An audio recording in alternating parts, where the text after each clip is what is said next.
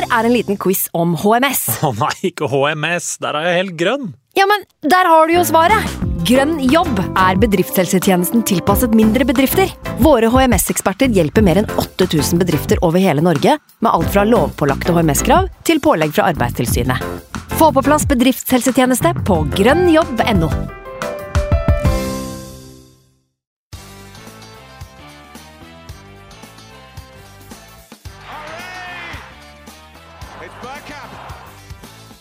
Now! The next station is Arsenal. Velkommen skal du være til en splitter ny episode med Arsenal Station med Magnus Johansen og meg, Simen Goffeng. Det er tirsdag ettermiddag, og Magnus klarte dessverre ikke å komme unna arbeidets plikter, men vi bruker uansett anledningen til å spille inn en liten preview-episode før torsdagens Europaliga-semifinale mot Villarreal. Og for å snakke Villarreal, hvem er vel bedre å spørre enn supporter av den gule ubåten, via sportekspert Petter Wæland. Velkommen tilbake til podden, Petter. Eh, hvordan står det til om dagen, får vi begynne å spørre om, nå som det er nedtelling eh, til, eh, til favorittklubben skal inn i en sjelden semifinale i Europa. Ja, nei, altså jeg har det vel som, eh, som folk flest nå. Jeg begynner å eh, bli litt eh, lei, men eh, sper på med litt, litt mer tålmodighet og dugnadsånd og satser på at vi snart kan leve livene våre som normalt igjen. Men da er det jo greit å ha fotball å forholde seg til og glede seg til. Og så må vel være så ærlig å si at Arsenal, Villarreal, Villarreal, Arsenal eh, har jeg egentlig ikke begynt å tenke på før nå. Eh, for det er liksom eh, Det er fra dag til dag, egentlig. Eh, Sjøl som eh, eh, selv som delvis supporter, som jeg jo eh, har vært av Viareal siden 2002, er det vel. Ja. Eh, så litt ekstra sommerfugler i magen, det skal jeg vedkjenne at det er. Hva, tror du det handler om? Tror du det handler om at det er eh, altså, såpass sjeldent at man faktisk er på oppløpssiden i disse turneringene? At man på en måte har et litt, eh, litt lavt forventningssyn på dette her? Altså, Rent personlig så har jeg tatt semifinaletapet på forskudd her nå. Ja, jeg så du skrev litt om det, at vi Villarreal er en klubb som Ja. kommer til semifinaler, men ikke lenger. Ja. Villarreal er en klubb som man egentlig kan sette noen sånne Post-It-lapper på. Eh, Det er en, en klubb som eh, presterer vanvittig over evne og har gjort det over tid. Eh, Og det er nesten sånn at de må prestere på dette nivået her i 20 år til før man kan begynne å snakke om at de ikke lenger overpresterer. Så liten er den klubben, så liten er den byen i utgangspunktet. Altså, det er jo bare til å ta litt sånn opptelling av antall innbyggere i de fire um, semifinalelagene sine respektive byer. Da. Altså Du har Manchester, Roma, London og Villarreal. Eh, I Villarreal så bor det 50 000. Eh, det er liksom ja, Hva skal vi sammenligne det med, da? Eh, la oss si at det er Sarpsborg, da kanskje. Ja. Som hadde klart å komme seg til en semifinale i eh, Europa. Og Der har de vært før. Fire ganger. Eh, de har vært i en semifinale i den spanske cupen en gang før. Så dette er sjette gangen vi Areal spiller en eh, semifinale, hvis vi ikke da regner med Intertoto-cupen, som er litt sånn cheat code. For der spiltes det seks semifinaler og tre finaler. Eh, så der var det hakket lettere å komme seg eh, til en finale. Eh, Men det som er fellesnevneren for Villarreal, det er jo som du korrekt er inne på, det er en klubb som tar seg til en semifinale, og så stopper det der. Som regel med flagget til topps, og så får man veldig masse sånn klapp på skuldra om Mm. dere skulle jo egentlig ikke vært der, og så er alle egentlig fornøyd uansett. Men, men altså, hvordan går den eh, statistikken der eh, opp mot eh, Emery sin? da? Han er jo en uh, mann som ikke er kjent for å stoppe på semifinalene. Eh, Ja. Noe vi Arsenal-fans også vet litt om. Ja, ja, absolutt. Altså, Unai Emery kan man si mye om. Vi kunne nok hatt en egen episode om han. Det har dere jo for så vidt sikkert hatt før òg. Ja. Men man kan si mye om Unai Emery, men er det noe han håndterer, så er det jo Europaliga-konseptet og semifinaler i seg sjøl. Der har han en enorm track record. Så hvordan klarer man å få begge statistikkene til å leve videre? Nei, altså da må vel Villarreal vinne over to kamper, da, men gjøre en sånn form for eh, teknisk feil. da, At en suspendert spiller eller ikke-registrert spiller som kommer innpå, sånn at Arsenal allikevel går til finalen på bekostning av Villarreal. Det må bli noe sånt, tenker jeg. Jeg hører at du liksom, du, du forventer jo ikke gull og suksess her. altså. Det er liksom enhver mulighet til å se hvordan dette her kan gå skeis. Det høres ut som du har vært innom de. Uh, ja. Uh, blir jo litt herda, da. Uh, og egentlig helt siden Ja, altså, man, man så jo dette finaletreet komme når kvartfinalene ble trukket, og så OK, ja samme side av tablået som Arsenal, den er grei. Da blir det maks semifinale. For vi har jo møtt Arsenal to ganger før. En gang i Champions League-semifinalen, så var det en gang i kvartfinalen òg. Og det, det har jo gått én vei der òg. Eh, den ene på litt mer brutal måte enn den andre. Ja, jeg tenkte jo jeg måtte plage deg litt med 06-semien, da. Eh, er det sånn at Rikelme mot Lehmann måtte ha brent seg fast og, dukker opp i mareritt med jevne mellomrom, eller? Uh, nei, i marerittsform har det faktisk aldri kommet. Og, og Rikelme er jo fortsatt den, den største helten. Altså hvis man, hvis man steller seg opp og tar på seg supporterutstyr og supporterbriller, så er altså Rikelme er en av de aller største for min del. Og det er jo altså det, det, kan jo forklares på en så enkel måte eh, som at man kan si at den straffebommen eh, hadde jo aldri skjedd hadde det ikke vært for Rikelme, på godt og vondt. Mm. Ja, det var han som brant straffesparket, men Villarreal hadde aldri vært i den semifinalen hadde det ikke vært for han, sånn i utgangspunktet. Så det var jeg skal på ingen måte si at det bare var hans fortjeneste, men, men eh, den, den, største årsaken til at Villarreal tok seg til en semifinale i Champions League i 2006, var jo pga. at Juan Riquelme var så mm. fordømt god. Eh, men en liten sånn, uh, liten sånn greie i forbindelse med det straffesparket der, det var at jeg så faktisk ikke det live. Uh, jeg husker jeg satt i, i, leiligheten på Slemdal sammen med, med far min og så kampen. Og var jo var helt på tuppa og, og, skjønte jo at nå er vi faktisk på vei mot noe helt mm. ekstremt her. straffesparket ble blåst. og så husker jeg så godt at når eh, kameraet var fokusert på Rikelme, og man så de øynene hans mm. Så jeg sa til pappa at vet du hva, jeg gidder ikke se at Rikelme brenner dette straffesparket her, så bare hent meg ut av rommet om et par minutter. Jeg gikk inn på rommet, jeg så ikke den straffebommen live. Jeg var så sikker på at han ikke kom til å takle det presset der. Eh, og så kom jeg ut igjen i stua et par minutter etterpå da når pappa ropte, og ser jo at da står det fortsatt 0-0. Eh, Mm. eh, og skjønte jo at da da fikk jeg jo dessverre rett i den antagelsen der, da. Det var, det var bare et eller annet med blikket der som mm. sa at det presset her, det klarer du ikke å bære. Nei, akkurat de bildene der, det er jo noe vi har sett i, i reprise mang en gang som Arsenal-supporter òg. Det er klart, eh, jeg må jo si at du, du har vel rett. Det, det, lyste vel nervøsitet ut av de øynene der. Det gjorde det. og Du, så. du, så, du så, jo liksom altså det, Hele oppbygginga der eh, Altså, det var jo Eh, altså El Madrigal, som stadionet heter da, tok vel bare 18 000-19 000 da. Det var jo selvfølgelig fylt til randen. Mm. Eh, og man hadde jo bygd opp til den kampen her som den desidert viktigste i klubbens historie. Og det var Rikelme som var den store, store helten. Og det var liksom eh, Det var et sånt ekstremt definerende øyeblikk der, da. For det, altså, Man tar jo kanskje litt sånn brå konklusjon med at akkurat den straffebommen gjorde at Viareal ikke gikk til finale, men det er jo en litt forenkla sannhet. For den, den, hadde jo ikke sendt Viareal til finalen. Den hadde jo antageligvis bare i hermetegn sikra ekstraomganger. Ja. Og i de ekstraomgangene så kunne jo hva som helst ha skjedd, men det blir en sånn det blir et sånn make or break-øyeblikk. da. Mm. Eh, og, og, akkurat i det øyeblikket der, når man da ser på altså overraskelseslaget Viareal, den kraftige underdoggen Viareal mot et Arsenal-lag med Thierry Henry, mm. med Cesc Fabregas, Fredrik Jungberg spilte vel, Sol Campbell og Colo Toré. Eh, Robert Pires hadde kommet inn. altså Det var liksom ikke noe tvil om hvor dette her skulle gå til slutt. da.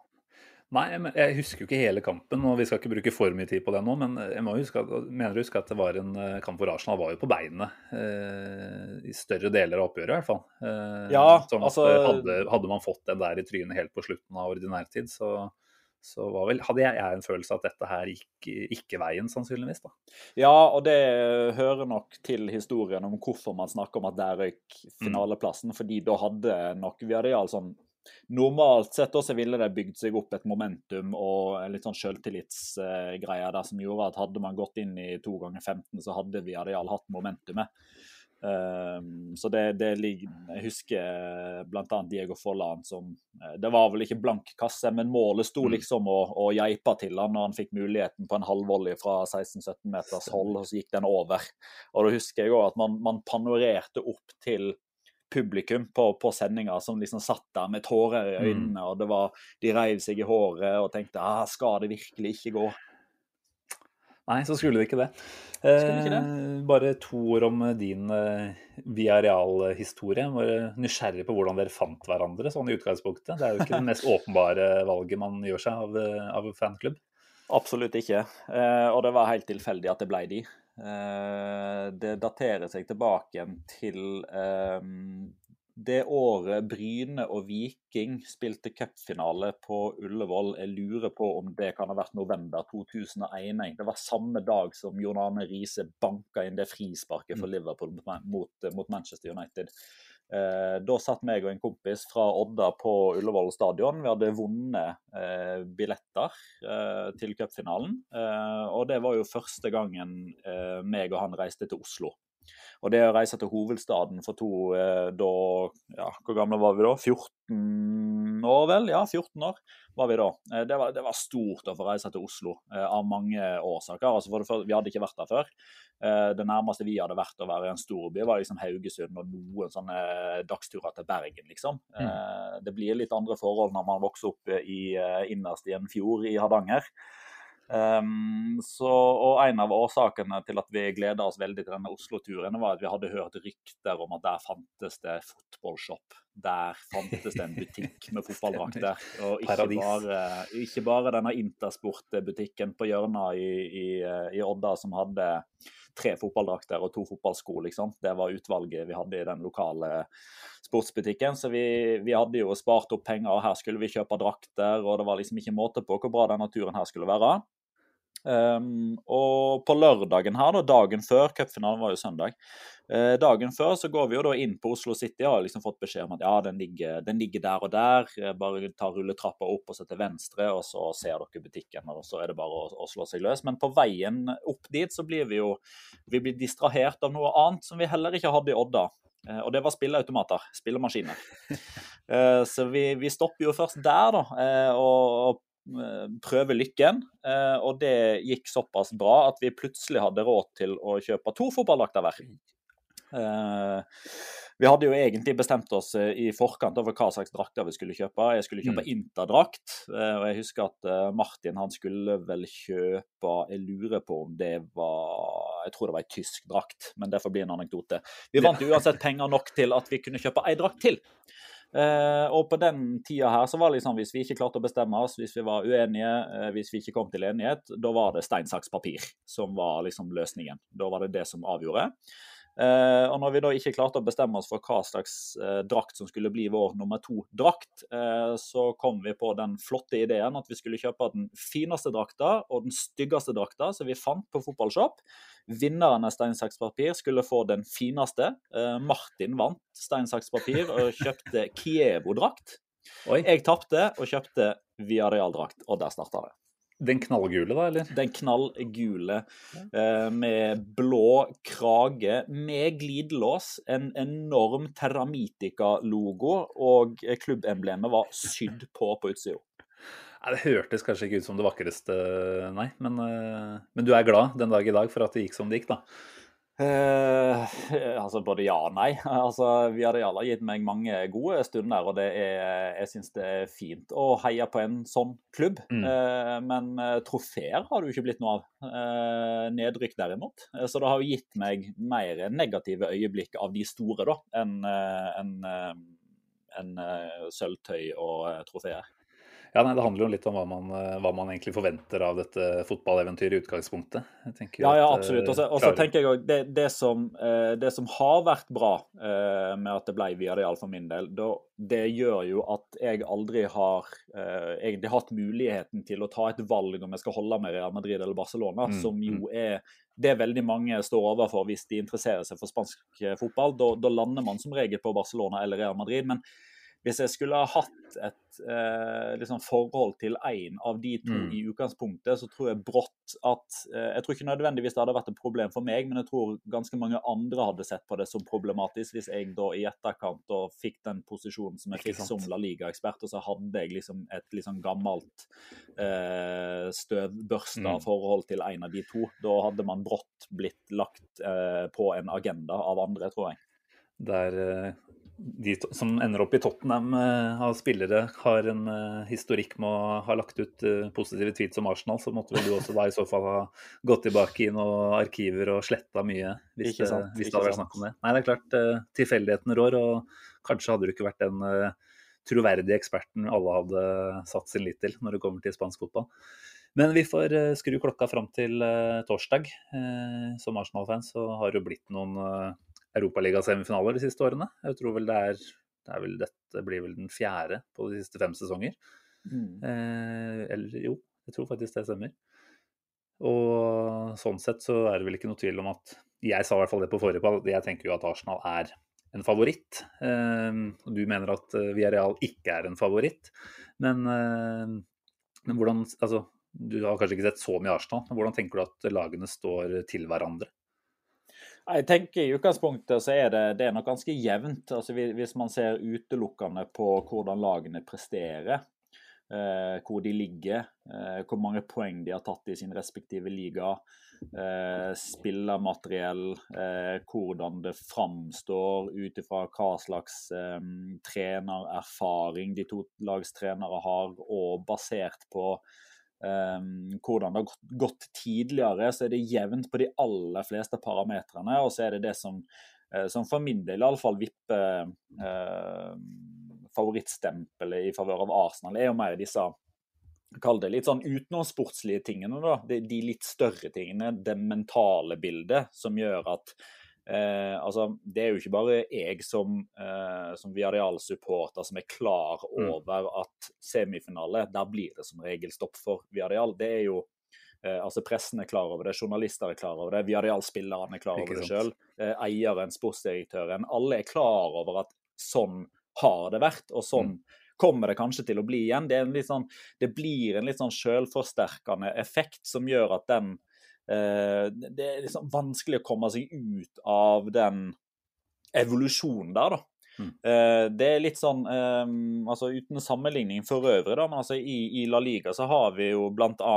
oppgjørene mellom Atletico Madrid og Retafe, som òg er en sånn greie som du snakker enormt mye om det på forhånd, og så er det en sånn sjølherligende profeti som går eh, igjen og igjen og igjen. Eh, Retafe har ikke skåra mot Atletico Madrid på 18 kamper.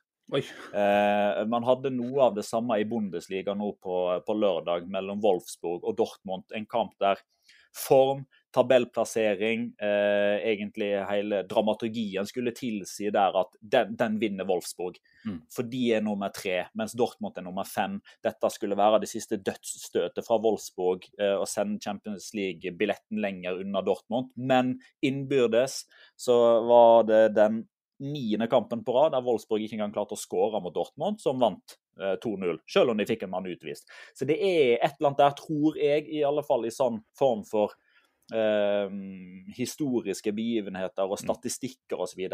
I, I veldig mange tilfeller så er statistikk helt ubrukelig, men i eh, i noen tilfeller så går det faktisk inn på den mentale inngangen til kampen og psyken til spillerne osv. Eh, hvis man ser på de to lags spillerstaller, så er det jo mer meritterte spillere i Arsenal som, som har en større track record på nettopp det å ta det Mm. siste steget. Ikke bare til finalen, men òg å vinne de. Eh, mens i Villarreal da, det er en ansamling av spillere som knapt har vunnet noe til sammen i løpet av hele sin karriere. Så, uh, men hvis man ser liksom rent mer på forsvarsfirerne og spissene og elverne og enkeltspillere, hvordan de har gjort det i sin hjemlige liga til nå, uh, motstanderne de har møtt på veien til semifinalen, så er det, det er bortimot break even, vil jeg Mm. si. Ja, jeg tenker jo også det. Og som Arsenal-fan så blir vi jo veldig vant til å se at noen eh, kamper så, så finnes det ikke kjemi og dynamikk i det man ser utpå der. Og andre dager så klikker alt i hop. Og Martin Ødegaard har jo vært en sentral del av det å få det til å, å klikke, da. Eh, Mm. Og nå har jo han eh, fått et kvarter 20 nå i siste runde, så vi forventer vel at han er med fra start igjen på torsdag. Og det, det tenker jeg kan bli fort det som bikker det kanskje i vår favør, da. Men, ja, altså, og så er det jo det er jo òg en kamp der eh, det skal liksom ikke være noe som helst tvil om prioriteringene. Eh, altså De to kampene som kommer denne torsdagen og neste torsdag, er liksom de to viktigste kampene som gjenstår for disse mm. to lagene. Eh, altså Arsenal for øyeblikket nummer ti. Eh, altså om, ja, det er kanskje noen millioner pund i forskjell på å bli nummer ni, ti eller elleve. Eh, men det liksom skal skal Arsenal ut i Europa neste sesong, så er det gjennom å vinne Europa League og faktisk da få fripass inn i Champions League. Mm. Eh, det samme er det for Viareal sin del. altså De, de ligger på syvendeplass, det er syv poeng ned. Uh, ja, de kan kanskje ta sjetteplassen, som gjør at det blir Europaliga istedenfor Conference League, men for en klubb som Viareal, altså blir det Europaliga, så vet man at da, da, da, stopper det i semifinalen. Kanskje Conference League kan bli den moderne Intertoto-cupen som man kanskje klarer å vinne. Uh, mm. fordi da er man på nivå tre og ikke på nivå to. Eh, så her er liksom Det kunne ha blitt litt mer sånn på ingen måte antiklimaks, men litt sånn vanskeligere å vite om det er 100 full pupp om absolutt alle tilgjengelige spillere spiller fra start, hvis Arsenal f.eks. hadde vært nummer fire med, med to poeng ned til femteplassen, eller hvis mm. Viadial hadde tre poeng opp til fjerdeplassen. Da hadde man måttet kanskje lagt eggene i to litt forskjellige kurver i løpet av de neste to ukene. Men mm. nå er det, nå er, det er kun disse to kampene her, altså. Ja da, og vi har vel egentlig sett eh, en tendens eh, i ligaformen eh, for Arsenal de siste kampene at det er, det er ikke det samme trøkket der som det har vært i Nei, og så kunne det kanskje vært litt annerledes hvis man hadde hatt en sånn, der, sånn kamp som jeg kaller liksom, altså en sentimental kamp imellom. da. Altså Hadde man møtt Tottenham på søndag, mm. så måtte man kanskje bare sånn for omgivelsenes skyld og for supporternes mm. skyld og for brystkassa si skyld kanskje òg ha prioritert den, men altså Newcastle borte Eh, altså det, det, blir, eh, det, blir, en hvilken som helst kamp for en Arsenal-supporter, blir det ikke det? Jo, det er ikke noe historikk å ta hensyn til. Altså, det, jo, det, har skjedd vonde ting mot Newcastle, for så vidt, men eh, ikke på et sånt nivå at vi trenger å legge noe altfor mye i den, sånn som situasjonen er nå. Så mm. hvis det skal uh, Og jeg håper jo at det spares, og det er vel noe av den kritikken Arteta har måttet ta imot, er at han kanskje har til tider drevet litt rovdrift på noen av spillerne, og ja. det har jo betalt seg. Så vi får virkelig håpe at uh, så lenge man har et uh, sannsynligvis jevnt utgangspunkt etter den første kampen. Da, at man virkelig sparer det som er uh, litt skjørt uh, fram mot neste torsdag òg. Men uh, Emery, vi kommer jo ikke utenom han selvfølgelig, som har vært Nei. i Arsenal i halvannen sesong. Uh, tok jo over via Real. Var det underveis i den 1920-sesongen, eller var det på starten av Det var på starten av den. Ja. Ikke sant? sånn som jeg har sett det, så var det vel en ganske solid start. Litt sånn lignende Eh, det mønsteret vi så i Arsenal, hvor det starta bra, og så har det kanskje dabba litt av etter hvert. Eh, du som supporter, hvordan ser du på den jobben han har gjort eh, denne sesongen her? Den er mm, ganske grei. Um, Terningkast fire uh, vil vel kanskje gi han foreløpig, og så vil jo sesongavslutninga og kanskje spesielt da, dette Europaliga-eventyret være uh, ja, altså Vinner vi av Real Europaliga, da er det terningkast seks. Mm. Klink.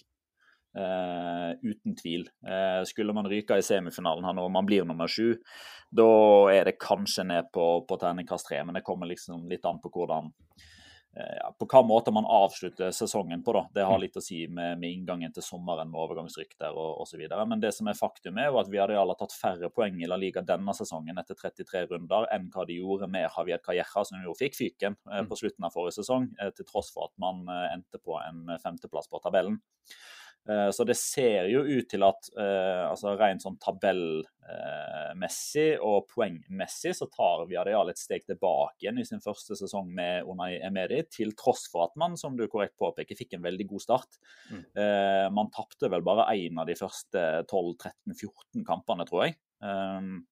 Og så på slutten nå utover våren så, så har det òg vært et, eh, et sånn gjentagende problem med, med skada spillere som blir pusha tilbake nytt for tidlig, og så ble de skada på nytt, og så var de ute i to-tre kamper mm. mer sånn totalt sett enn hva de kanskje burde ha gjort. Og det er jo pga. at man har alternert mellom å, å si, sikre en topp sju-posisjon i La Liga, som gir spill i Europa neste sesong, men samtidig òg stille sterkt nok til å ta seg forbi Salzburg, Dinamo Kiev og Dinamo Zagreb i i Europa League. Um, rent spillestilsmessig så har Viareal egentlig gått fra å være et eh, ganske klassisk 4-4-2-lag som har ønsker å ha ball, eh, som ønsker å spille en underholdende fotball. Eh, det har liksom vært Viareals appell, at det skal være morsomt å se de spille fotball. Mm.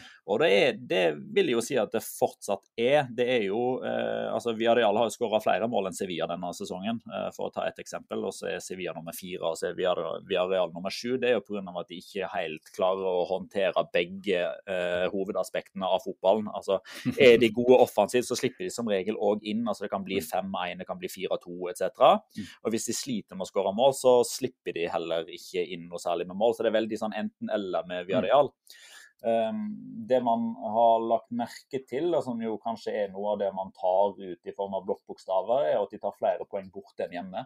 Ja. Uh, det er et lag som er altså Når de stiller topper, uh, når man har sine beste spillere tilgjengelig, så er det et lag som er fryktelig gode på kontringer og i overgangsspillet. Mm. Eh, men så kommer det jo litt an på hvordan Arsenal mønstrer mannskapet sitt, og hvordan kampen blir. Eh, jeg vil tro at Viareal kommer til å ha en ganske sånn forsiktig tilnærming til kampen, som er nå på torsdag, pga. Mm. bortemålsregelen. Eh, så i utgangspunktet så har jo jeg en sånn generell oppfatning av at skal man kunne velge om man vil starte hjemme eller borte først, så er liksom den generelle oppfatninga av at du, du, avslutter alltid på hjemmebane. fordi da eh, Altså, du vil gjerne være i ditt eget rette element når ting skal avgjøres. Men akkurat for Viadial så ser jeg ikke helt bort ifra at det kan være en fordel å avslutte på bortebane hvis, og her er jo det store 'hvis', hvis resultatet fra kamp 1 er OK. Mm. Eh, men samtidig så er det jo òg eh, en motstander å ta i betraktning her òg, som jo har noen spillere som er forrykende i overgangsspillet. Så igjen så blir det en sånn eh, ta og føle på-variant, og, mm. og, mer eller mindre tilfeldigheter som kommer til å avgjøre. Ja. Arsenal har jo slitt veldig mot uh, lavtliggende og kompakte lag uh, mye av denne sesongen. Uh, mm. Så har jo Ødegaard kommet inn og vært en uh, boksåpner til tider. men men hvis det er sånn man ser for seg at Villarreal måtte, tilnærmer seg i denne kampen her, at de, de, holder seg godt tilbake med ti utspillere bak ball omtrent og forsvarer uh, skikkelig, da, da, tror jeg nok Arsenal får en tøff jobb. Um, og Arsenal vet vi jo er et lag som kan bli kontra på iblant. Så ja, ja, skal ikke se bort fra at uh, det høres ut som en ganske god god taktikk eh, mot Artetas menn. Nå skal det også sies at eh, Arteta har jo fått skikk på det defensive mm. i ganske stor grad. Altså, det var vel et av ankepunktene mot uh, Emery særlig, at uh, han slapp til utrolig mye uh, avslutninger. Ja. Og det er jo et tall som har gått betraktelig ned under Arteta. Ja, det er, vel bare, det er vel bare City, Chelsea og United som har færre baklengs enn Arsenal denne sesongen. Og det er jo egentlig litt, litt rart når man ser at Arsenal er nummer ti. Ja, nei, men det er jo ikke noe tvil igjen om hvor det virkelig skorter for vår del. Mm. Så det er jo det som blir spennende nå. Og, og Lacassette er jo ute, det vet vi. Mm. Aubameyang håper vi jo er tilbake etter å ha vært ute nå i en tre ukers tid med malaria. da. Ja. Eh, men at han starter er vel heller tvilsomt. Det ja, det spørs at, eh, vel på fysikken der, da, rent uh, sånn treningskapasitetsmessig etter å ha vært ute. Altså Én ting er liksom hvis du er ute, hvis du er ute med, en, med en kneskade f.eks., så kan du allikevel sitte og, og, og sykle, i alle fall holde håper jeg, pusten og O2-opptaket, mm. om en ikke vil like seg, i alle fall på, til en viss grad. Men Eh, nå er ikke jeg noe malariaekspert, men det, det, gjør jo at du i større grad må, må hvile, antar jeg. Ja, jeg tror at han har på en måte si, Han var jo innlagt, så vi også bilder av, på sykehus eh, mm. tidlig i forløpet. Så at han har eh, blitt brutt ned ganske godt av den runden der, det, det tror jeg nok vi må anta. Altså. Så jeg ville blitt overraska hvis han starter. Og da ser vi jo at i det Arsenal-laget her, så er det jo ikke sånn at uh, det er noen stor, stor uh, goal threat fra mange av de andre spillerne. Da er det liksom Saka PP vi kan uh, lene oss litt mot. Så, mm. Og PP er jo en kontringsspiller, kanskje mer enn en sånn etablert angrepsspiller uh, også. Så nei, det er vanskelig på en måte å helt se for seg hvordan, hvordan vi skal få målene. Nå har vi selvfølgelig hatt et par kamper hvor det virkelig har eh, vært ketsjup-effekt. Eh, mm. Det er vel kanskje litt sånn det føles ut som, at når det først flyter for Arsenal, så flyter det veldig bra. Ja, Men hvis man ikke eh, si, får det helt til, så, så, blir det en skikkelig stangekamp stort sett 90 minutter igjennom. Mm. Så nei, det, det blir interessant, det her. Eh, Arteta har jo si, et slags lignende mønster, nesten, ut ifra hvis man sammenligner- med Emery. Altså, de hadde en eh, forholdsvis eh, god start, begge to. Eh, Og så har det jo vært eh, sånn at man har blitt litt innhenta av XG-en og sånt. da. Eh, Uten at vi skal bruke altfor mye tid på å analysere de to opp mot hverandre. Er det sånn at du kan si noe om hvordan Arteta omtales i Spania, og hvordan hans skal vi si, fotball er kanskje litt tidlig å konkludere med, hvordan han blir sett på, da, i hvert fall. Nei, det er egentlig ganske lite der. Eh, altså, i, I utgangspunktet så er det jo ehm, Det er jo i utgangspunktet noe som er veldig interessant ut fra et sånn fotballfaglig perspektiv. at, eh, altså Sett fra spansk ståsted, da, at, en, at det er en spansk trener i Arsenal. det er jo Isolert sett så er jo det en ganske stor greie. Eh, Men samtidig så må man òg huske at Mikkel Arteta kom jo, eh, han kom jo etter Unai Emeri. Eh, eh, han er i samme liga som bl.a. Pep Guardiola. Eh, det er ganske mange andre spanske trenere som på mange måter ligger litt foran Mikkel Arteta med tanke på hvor attraktive man er for øyeblikket, eh, hva slags type overskrifter man skaper, hva slags type klubb man trener. Um, så selv om Spania er et stort land med enorm fotballinteresse, det er riksaviser, det er lokalaviser, det er radioprogrammer, det er TV-programmer, så, så har man fortsatt ikke, i hvert fall ut ifra mitt inntrykk, da, som følger ganske godt med, eh, så er liksom Mikkel Arteta er ennå ikke stort nok til at det får liksom plass i de store nyhetssendingene. I hvert fall ikke tidlige sendinger. altså det, det, det kommer liksom Man har som regel et ekstra øye på det. altså F.eks. Mm. når, de, når de slo eh, Sheffield United 3-0 borte, så var det liksom det med ah, stor triumf for Arteta som begynner å få skikk på ting og offensivt. Tre skåringer, kjempebra osv. Men eh, det, det, det, liksom, det, det kan liksom ikke sammenlignes med den oppmerksomheten som f.eks. City får da med Pep Guardiola. Eh, og det er jo ja, Det ligger jo noen naturlige mekanismer bak der. Det gjør jo det. Og Mikel Arteta var jo um, altså Hadde Mikel Arteta hatt et annet statsborgerskap enn det spanske, la oss si at han hadde vært eh, ja, polsk eller slovensk eller norsk, så hadde han jo vært eh, ei stor stjerne i hjemlandet sitt på bakgrunn av den spillerkarrieren han har. Men i Spania så blir han en av ekstremt mange som har vært ganske god. Mm. Så profilen den, den er fortsatt i ferd med å bygges opp. Eh, Den er fortsatt ikke så, så stor, men det er klart at eh, skulle han slå ut via Real eh, med Arsenal, så vil jo det naturligvis gjøre at navnet hans får eh, ekstra oppmerksomhet. Og skulle de vinne Europa League, enda mer. Det, men det er jo sånn det fungerer. Du må jo bygge deg opp over tid.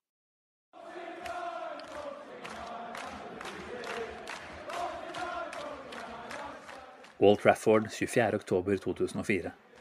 Arsenal ranes på høylys dag og går glipp av muligheten for ligakamp nummer 50 på rad uten tap. I tunnelen etter kamp går det hardt for seg, og et spansk supertalent tar på seg jobben som pizzabud og serverer en feit slice i fjeset på den legendariske manageren. God pizza kan serveres på flere måter. Vi i Arsenal Station foretrekker å få den levert rykende fersk på døra fra Dominos. For hva er vel bedre enn å slå seg ned i sofaen med Arsenal-kamp og en deilig pizza med mengder av fyll og ost? Bestill din favoritt på dominos.no. Snakke litt om eh, Martin Ødegaard også. Eh, som jeg var inne på, så er han jo nå tilbake etter å ha hatt et overjokket eh, i landslagspausen. Ble jo kasta innpå direkte mot Liverpool bare noen dager etterpå, så viste vel det seg å være litt prematurt. da. Så han Ja. har jo sittet og sett siste tre kampene, er det vel, fra tribuneplass eller hjemme i sofaen. Eh, nå skal han tilbake mot et La Liga-lag. Jeg vet ikke helt hvordan eh, historikken hans er mot Villarreal, men det er jo klart eh, Du kan ikke si noe annet enn at han etter hvert begynte å storkose seg mot eh, La Liga-motstandere når han herja som verst for eh, Real Sociedad. Hva tenker du om eh, si, den type erfaringer han gjorde seg eh, gjennom tiden i, i Spania, og hvordan han på en måte vil eh, si, til Arsenals eh, fordel da, kunne se noen eh, kanskje huller eller eh, måter å angripe Villarreal på som eh, han eh, ja, med, med utgangspunkt i den erfaringen han har fra La Liga. Ja. Jeg er litt, jeg er litt usikker på hvor mye man kan gå til anskaffelse av informasjon på den måten der. Um, altså Han har spilt tre ganger mot, uh, mot Viareal. Han spilte jo både hjemme og borte for Real Sociedad forrige sesong. Um, da da tapte de på hjemmebane, og så vant de på bortebane. Uh, og så var han òg med på 1-1-kampen uh, i november denne sesongen. Så det er jo det er jo den andre kampen han kommer til å spille på Estadio de la Ceramica denne sesongen. Den tredje siden juli 2020. Så uh, han, er, han, han, han, kjenner stadion uh, godt, det gjør han. Uh, men så er det jo samtidig med forskjellige trenere og med forskjellige lag. Dette er det tredje laget han skal møte Villarreal med. altså Først er det Sociedad, så Real Madrid også Arsenal. Eh, først med Imanol Alguacil som trener, og så Zinedine Zidane som trener, og nå Miquel Arteta som trener. De to første kampene så var det eh, Javier Calleja som var mm. trener Nå er det Una Emeri. Så jeg er litt usikker på hvor eh, relevante de foregående kampene er eh, sett opp mot denne her, da. Mm. Eh, det er òg i forskjellige turneringer. Altså I en La Liga-kamp så er det 90 minutter, og så deles det ut tre poeng. Eh, nå er det først ett oppgjør, og så er det to oppgjør, og så slår man sammen antall skåringer til slutt. og Så er det ett lag som går videre, og ett som ryker ut.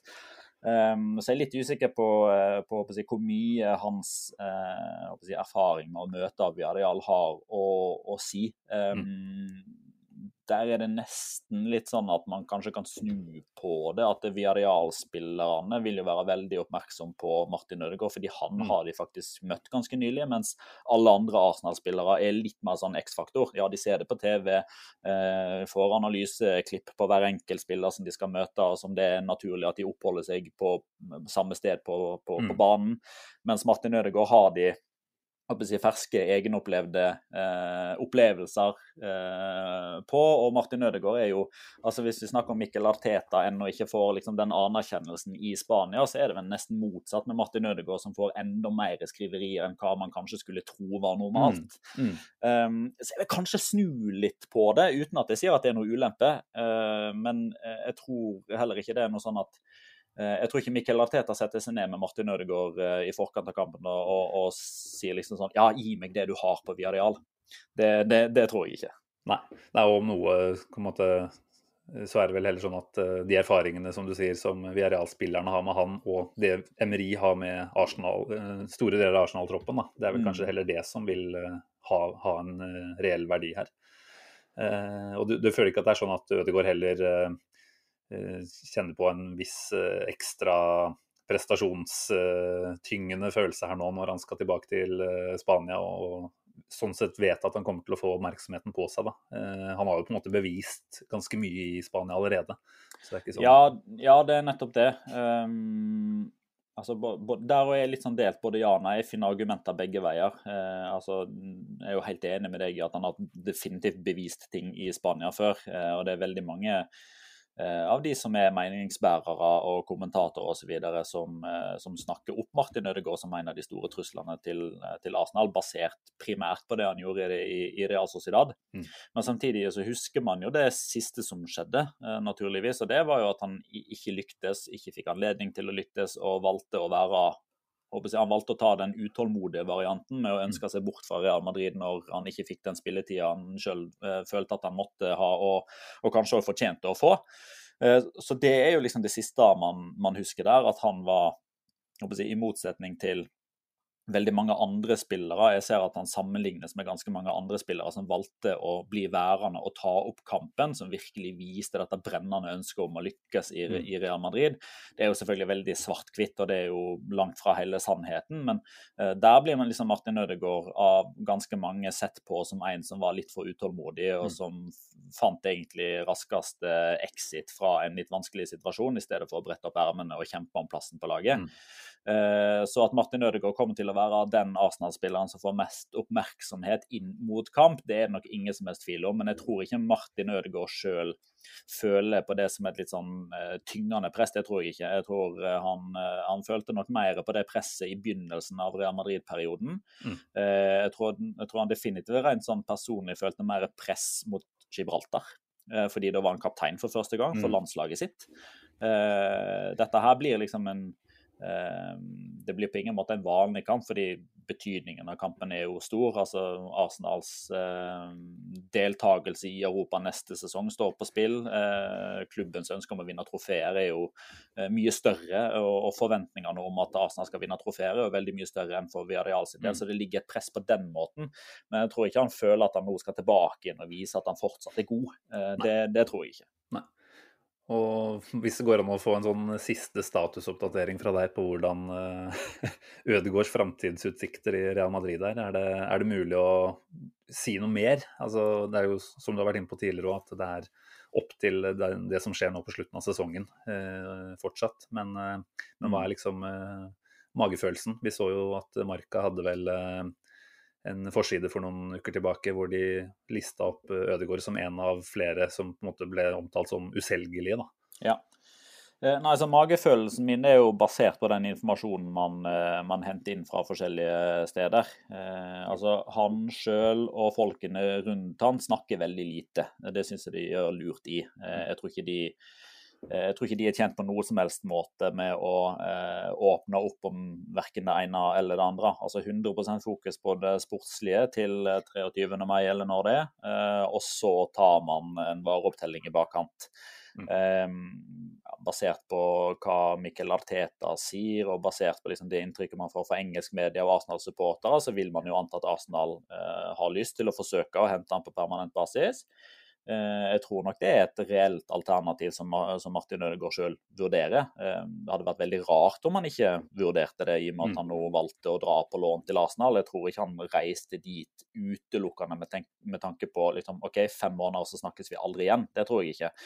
Eh, men jeg tror nok òg at det fortsatt ligger litt sånn uh, uforløst drømmepotensial. Uh, mm. The holy grail for Martin Ødegaard tror jeg fortsatt er å lykkes, lykkes på sikt i Real Madrid.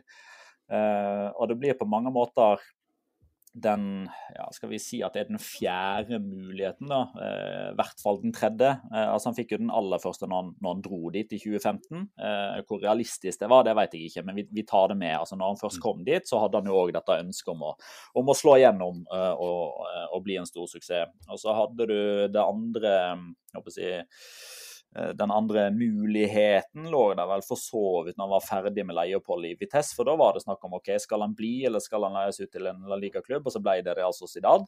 Eh, og så ble han jo henta tilbake fra Zidane ett år tidligere enn planlagt, og, og begynte jo da virkelig å, eh, å, få den muligheten til å mm. spille seg inn på Real Madrid-mannskapet. Han var der en halv sesong og fikk OK med spilletid. Eh, og så var vi jo litt inne på det i stad med at eh, noen mente at han var for utålmodig og reiste liksom ved, første korsvei når det, når det gikk litt eh, trått. Andre mener at det er helt riktig av han å dra, fordi han må ha spilletid og utviklingen i, i den alderen han er i og den fasen av karrieren han er inne i.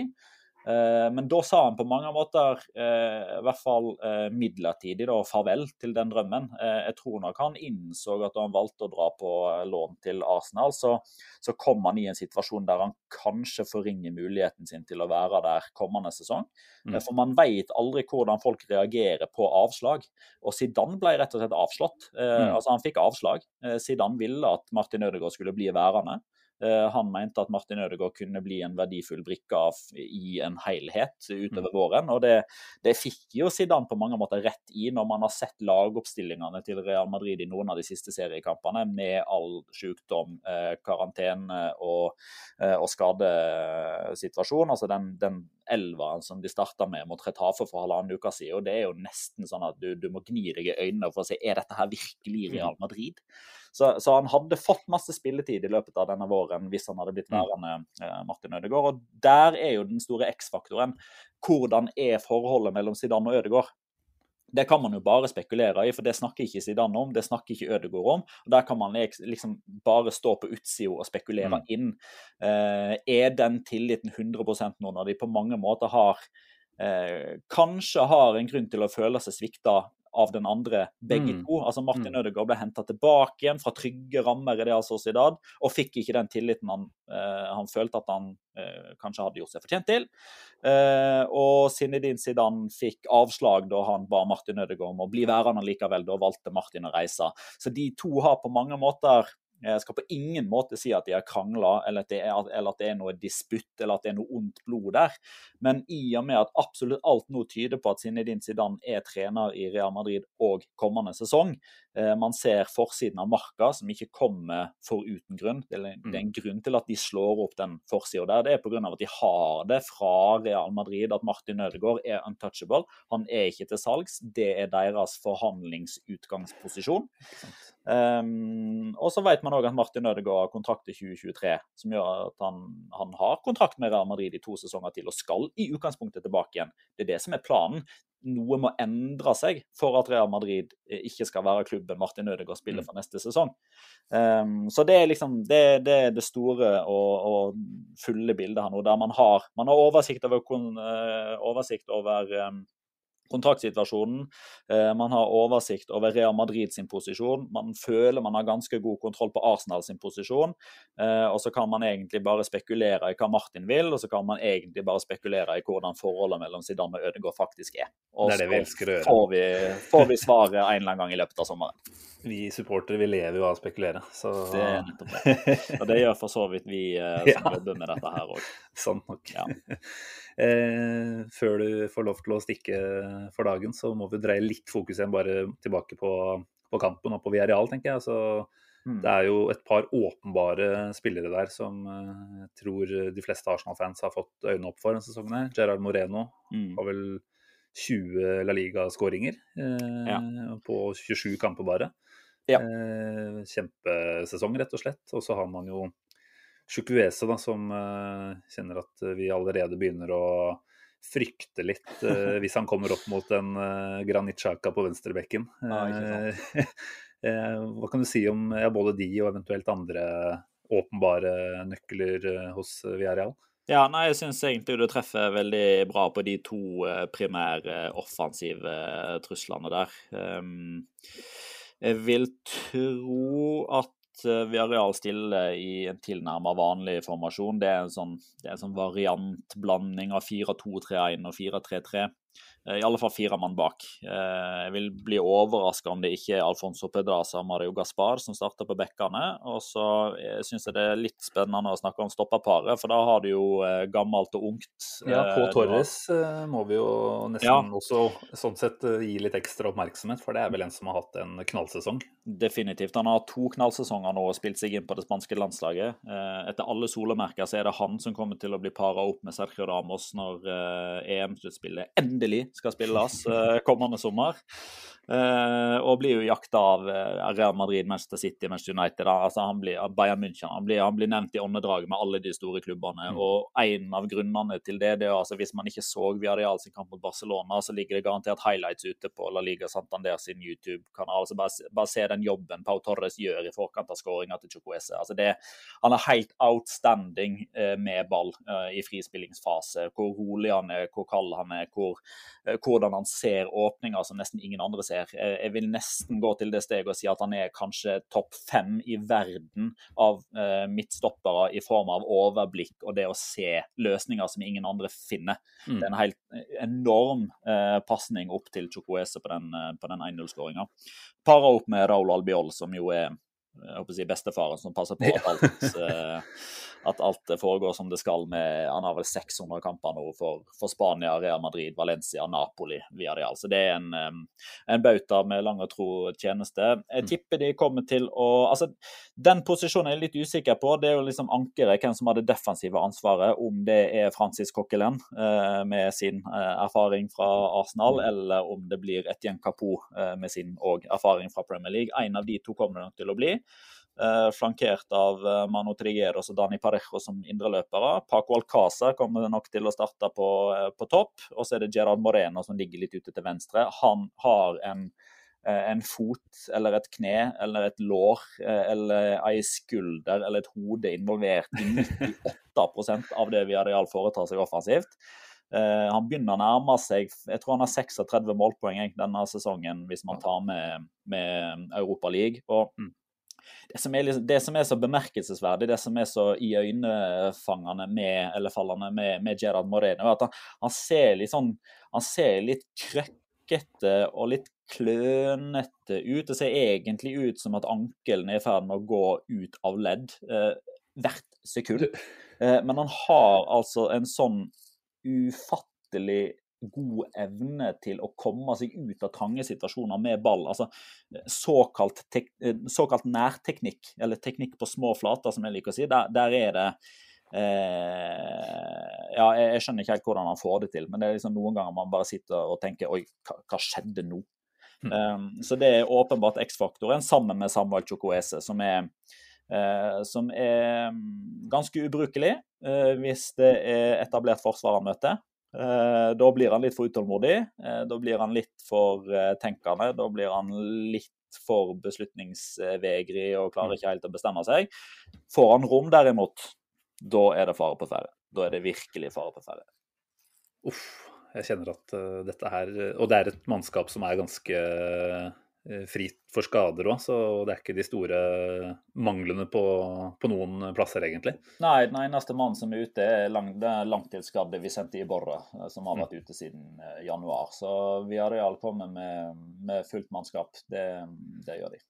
Ja, det er litt å forberede seg på her. Nå har vi jo som sagt sett at Granitxaka har vært en slags, en slags variant av venstreback eh, de siste fire matchene. Eh, vi trodde jo kanskje at eh, Cedric eller til og med Bokayo Saka skulle inn og ta over når Tini er ute der. Men som sagt, jeg frykter jo Du så jo sikkert også hvordan Richarlison brukte Chaka som bøye i forkant av skåringen mot Everton nå sist. Ja. og det er klart at det det Sjukvese på en måte har vist så langt med tempo og, og finesse, det, det, tror jeg kan bli en veldig stygg eh, matchup for Sjakas del. Jo, men så har man jo samtidig, altså hvis man hadde snudd på det, da, altså hvis det var jeg som hadde hatt en Viareal-podkast og hadde invitert deg, og skulle hatt eh, litt mer info om eh, Arsenal-spillere for, for, å snu på det, så hadde man jo definitivt kunnet snakke sånn om eh, Nicolas Pepe, kunne snakke sånn om Saka, du kunne snakke sånn mm. om Martin Ødegaard. Eh, og altså, du, du, finner jo definitivt spillere i Arsenal som òg er kapable til å bli snakka om, på samme måte som, eh, som jeg snakker om Gerard Moreno og Samuel Chukwese og Pau Torres. ikke sant? Det er jo en grunn mm. Til at det er jo en grunn til at uh, i alle fall jeg mener at lagene er bortimot jevnbyrdige. Noen vil kanskje hevde at Arsenal er favoritter basert på mannskap. Noen vil kanskje hevde at Viareal er favoritter på bakgrunn av at de har en høyere tabellposisjon og har tatt flere poeng enn Arsenal i hjemlig liga. Uh, men så kom jeg liksom til syvende og sist ned til at dette er veldig åpent. Uh, og så er det liksom den derre viarealske auraen som gjør at det, det blir stopp her igjen. Og der tenker jeg vi avslutter dagens podd pod også. Syns jo det var et fint siste, siste innslag. Uh, ja, nei, jeg tenker Petter, at dette her er uh, veldig fin uh, info for oss sånn i forkant av, av, det som venter her. Jeg mm. har jo som sagt Arsenal som en favoritt, men det forutsetter jo at det flyter offensivt. Og med Ødegaard tilbake, og forhåpentligvis Aubameyang til stede i, i, deler av kampen, i hvert fall, så er det muligheter for, eh, for å skåre en goal eller to. For det tror jeg Arsenal trenger. Jeg tror at eh, er det 0-0 f.eks. etter første oppgjør, så, så, frykter jeg jo veldig det som kommer til å skje på Emirates. For jeg har jo vist at både mot Olympiakos og Slavia Praha at vi sliter veldig hjemme da, i Europa. Og vi har jo en forferdelig hjemmestatistikk i Premier League også. Mm. Ja, Det er litt derfor jeg sier at jeg er liksom spent på inngangen til Viareal og regner med at de ville ha en liksom forsiktig inngang. Altså 0-0 for Viareal på torsdag er et bra resultat. altså. Mm, mm. Det er det. Men uh, ja, vi får ja, se. Det blir spennende. Ja, nei, Jeg får bare si lykke til, da. Jeg ønsker deg jo selvfølgelig ikke alt godt når det kommer til torsdag. Men uh, utover det så er det bare å si tusen hjertelig takk for at du stiller opp uh, som gjest nok en gang. Det setter vi veldig stor pris på. Så får du ha lykke til med Champions League-sending i kveld. Takk for det. Jeg Drar skal, seg til. Ja, jeg skal kommentere Chelsea-Real Madrid for sånn opp, skal gå i opptak på kanalen. Det er jo TV 2 som ja, har den. Som sender dette. Takk for praten. Den er grei. Vi snakkes.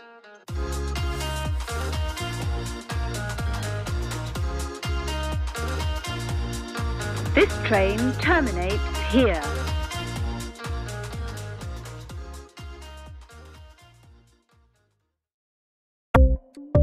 Ukens annonsør er HelloFresh. HelloFresh er verdens ledende matkasseleverandør og kan være redningen i en travel hverdag. Mange av oss har nok vandret i butikken både sultne og uten en plan for middagen, som ender med at vi går for de samme kjedelige rettene gang på gang. Middag burde være dagens høydepunkt. Som Hello Fresh kan du nå velge mellom 25 ulike retter hver eneste uke, eller få Hello Fresh til å sette sammen menyen for deg. Dette gir deg muligheten til å prøve nye og spennende retter alene eller sammen med familien. Du velger antall porsjoner og får alt levert på døren på et tidspunkt som passer for deg. Oppskriftene er enkle, og maten er lett å lage både for store og for små. Ved å få alt levert hjem får du også mer tid til å dele matgleden med familie og venner. Kanskje det frister med asiatiske tacos eller greskinspirert kylling? Da kan jeg anbefale deg om å gå inn på hellofresh.no. Her kan du bruke koden FOTBALL og få opptil 1779 kroner i rabatt på de første fem matkastene hvis du ikke har prøvd Hello Fresh tidligere. Du kan også bruke rabatten hvis du har vært kunde og stoppet abonnementet ditt for tolv måneder siden eller lengre. Gå inn på hellofresh.no og bruk koden FOTBALL. Har du et enkeltpersonforetak eller en liten bedrift? Da er du sikkert lei av å høre meg snakke om hvor enkelt det er med kvitteringer og bilag i fiken, så vi eh, gir oss her, vi. Fordi vi liker enkelt. Fiken superenkelt regnskap.